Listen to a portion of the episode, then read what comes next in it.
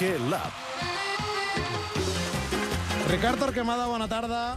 Bona tarda. Ahir ho comentàvem a, a la TDT, clar, el Barça o Xavi o, o abans Koeman li han trobat a, a Luc de Jong el rol en què pot excel·lir.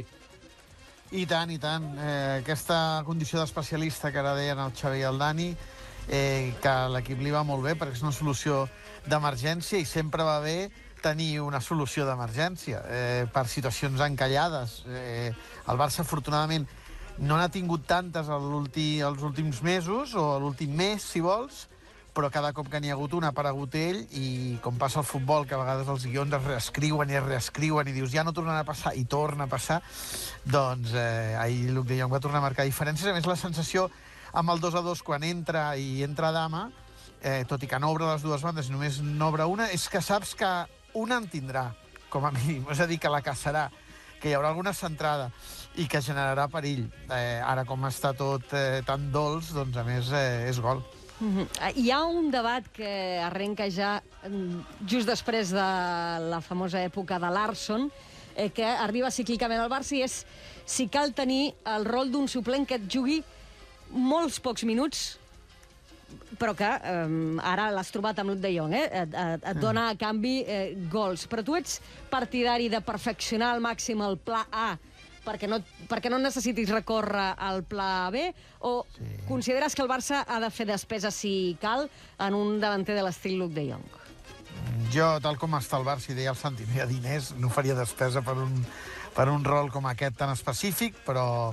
I, per tant, eh, el Barça ha de saber què vol ser futbolísticament i quina expressió ha de tenir. El que passa és que hi ha moments d'emergència a les competicions que si tens una solució, doncs aprofita-la. Mm. És a dir, Xavi no hauria fet cap esforç per fitxar Luc de Jong, però se l'ha trobat i, i ha aconseguit connectar amb un rol que, a més, el jugador l'accepta, i això és el més important, que l'accepta i el defensa amb orgull. I se'l creu tant i amb tanta passió que acaba marcant diferències. Per tant, clar, és oli en un llum. Eh, és, és una opció guanyadora eh, per les dues bandes, per l'equip, per l'entrenador i per ell que reforça el seu perfil, també conscient probablement de les seves limitacions i de la seva capacitat per eh, aprovar diferents assignatures. El que passa és que aquesta, si fa matrícula d'honor, doncs ja li dona sentit a, a la seva presència a la plantilla.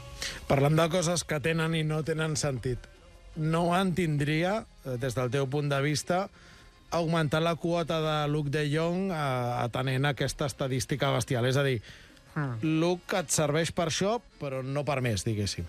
Home, eh, en condicions normals, jo crec que té jugadors per davant per actuar en aquesta posició. No oblidem que Ferran pot jugar de nou, i que Memphis et transmet que hi ha moltes més coses que pot fer, sobretot perquè el nou eh, Xavi li demana eh, doncs venir a descarregar, activar el tercer home, eh, eh, trencar l'espai, Eh, tot això a Luc de Jong li costa i sobretot per l'edat que té, és un jugador veterà, vull dir que té trajectòria i acabes especialitzant-te en allò que fas millor. Eh, no vol dir que només puguis jugar els últims 5 minuts, eh? vull dir que hi ha partits i hi ha minuts per tothom. Per exemple, els minuts que va jugar la Supercopa contra el Madrid, que el Barça encara no havia fet aquest pas amb Ferran, Pedri eh, i Aubameyang, mm, va estar bé, fins mm. al punt que va marcar mm, eh, el gol a, a, allà a l'Aràbia Saudita. Eh, el que passa és que ara, tal com està dissenyada la plantilla i tal com està estructurat el pla de joc de Xavi, eh, Luc de Jong és una emergència. Però, escolta'm, el Madrid també tenia Sergio Ramos a l'emergència, que era el mm. mateix Sergio Ramos, però era un altre rol. Ell era defensa i acabava jugant de davanter.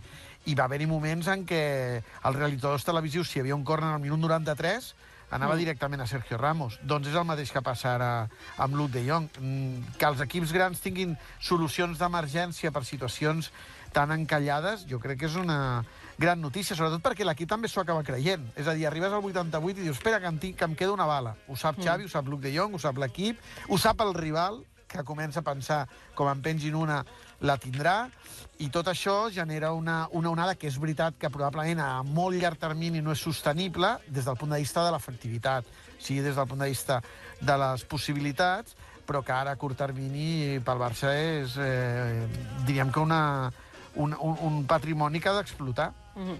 Ara que has citat eh, Sergio Ramos, el, el Barça ho ha fet sovint amb Piqué, el que passa que el resultat habitualment no, no, no, ha, estat, el mateix. no ha estat el mateix. De fet, poques vegades ha sortit l'efecte eh, Piqué, diríem, en els últims minuts pel Barça. Tal com dibuixa el, el Ricard el, el, el paper de, de Luc de Jong, el, els que ja teniu una certa edat, us en recordeu un any que la Real jugava, crec que era UEFA, que va aparèixer un tio que es deia Loinaz, Sí, home. Sí, que era, era un tio que aixecava pedres a estones lliures. Miquel Loinaz. I eh, li deia Hércules Loinaz, que es Sí, deia. Miquel, Miquel. Sí, sí. I, i bé, era evident que aquell tio només servia per sortir a rematar al final. No estic dient que el, que el Luc de Jong sigui Loinat, eh? que ja, ja, ten, ja hem dit prou coses lletges de... Sí, és que jo crec que eh, al final el que passarà a Luc de Jong serà enviar-vos a tots a la merda. I, I ho farà amb No tota la raó del món. No t'encenguis.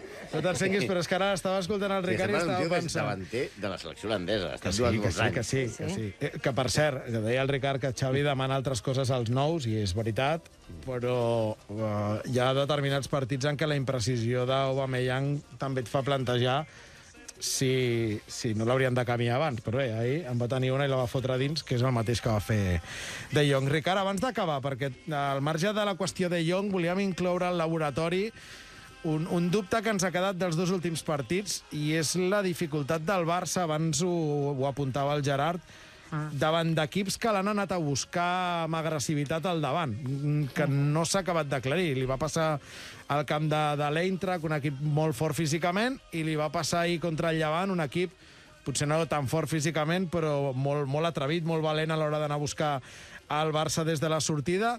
I no sé si el Barça no va estar eh, eh, viu a l'hora d'interpretar el partit o és que directament aquest és un escenari que li resulta més, més incòmode per la seva manera de jugar? No sé com ho veus, tu. Mira, eh, a, a, tots els equips que volen ser dominadors, aquest escenari eh, li costa, perquè de cop i volta ells que intenten generar superioritats numèriques es troben que si l'equip rival et fa individual eh, i l'home lliure és el porter, no pots trobar cap superioritat numèrica. I aquesta situació, però l'arrosseguem del Barça de Guardiola, eh, que, per exemple, aquella, aquell espanyol de Pochettino, us en recordeu aquelles passades llargues per Pedro i Villa, Sí. eh, i podem actualitzar-ho, el Barça de Luis Enrique i el, el, el Bayern de Guardiola, aquella semifinal contra, contra Messi, Suárez i Neymar... Eh, tots aquests els equips que volen tenir control és una manera de treure'ls el control perquè els obligues a fer atacs curts i ràpids, quan ells els, els volen tenir més llargs i amb l'equip agrupat. Eh, el que sí que tinc bastant clar és que partits amb aquest escenari l'equip ha de ser eh, ha d'estar molt viu, molt despert, molt intens. I quan dic intens vull dir que ha d'estar concentrat, perquè l'única solució, la solució més normal és que el porter connecti amb l'última línia, que salti al mig camp i, i, i la defensa, perquè no hi ha línies de passada obertes. Per tant, els davanters han d'intentar guanyar el duel individual, o el nou venint a rebre, pentinant, o descarregant perquè vingui un, un migcampista de cara, o els extrems, com ho va intentar més Ferran que Dembélé, però finalment a la segona part ho van fer tots dos, traçant diagonals a l'esquena de, de la defensa. És difícil sincronitzar una passada de porter davanter? És difícil, però a la primera part, per exemple, va sortir. Mm. Però si no surt, el que és molt important és que els migcampistes que venen de cara es quedin la segona pilota, perquè si no, aleshores entres en el caos que no t'interessa i el que deia el, de, el Santi abans, que no controles les regnes del partit. Per tant, com que has de sortir d'aquí i has de jugar en llarg, és tan important guanyar la primera acció i ser una acció directa de cara a porteria, com eh, que sigui una segona jugada que et permeti guanyar la pilota i at atravessar el mig camp i vam veure què feia el Llevant quan el Barça eliminava la pressió, es recollia al darrere. Jo crec que ahir al Barça la primera part li va faltar tot això i aleshores el rival va recuperant pilotes, es va creixent, tu vas perdent confiança, eh, no saps si has de sortir en curt, en llarg, eh, no, no saps fer-te amb aquesta segona acció, eh, i el Barça, partits com aquests els ha d'interpretar des d'això, des de la concentració, des de la importància de capturar aquesta pilota, des de l'agressivitat i des de l'habilitat de la sincronització porter davanters. Ahir vam tornar a veure aquelles converses que havíem vist Ter Stegen Luis Suárez a vegades, mm. amb Ter Stegen Aubameyang a 40 metres, parlaven un amb l'altre, eh, perquè no acabava Aubameyang de fer-se amb aquesta primera passada del porter. És que, Ricard, perdona un, una cosa només. El, el, quan parles dels interiors, el, el problema més greu per mi és que els dos interiors rebin d'esquena porteria. Aquí és un problema greu, perquè rebin de cara, u, han de guanyar la, la, la segona jugada, com bé dius, o que el punta descarregui i el tercer home, i siguin Clar, ells. I siguin clar. ells i s'avancin. A partir d'aquí, si tenen l'escenari obert endavant, a partir d'aquí ja guanyes, ja guanyes en, en la transició. Si no aconsegueixes fer això, tens molts problemes per sortir, perquè els dos centrals sí que en alguns moments els hi pots demanar que divideixin, però si estan mà a mà no es jugaran un, un dribbling en, en, en, en zona de- en zona d'inici, en zona de creació, ni en zona de perill. Per tant, això va costar molt, i ahir, per exemple, al minut 1 hi ha una passada en, en, en horitzontal de Dani Alves, que ja comença amb l'ai, ai, ai.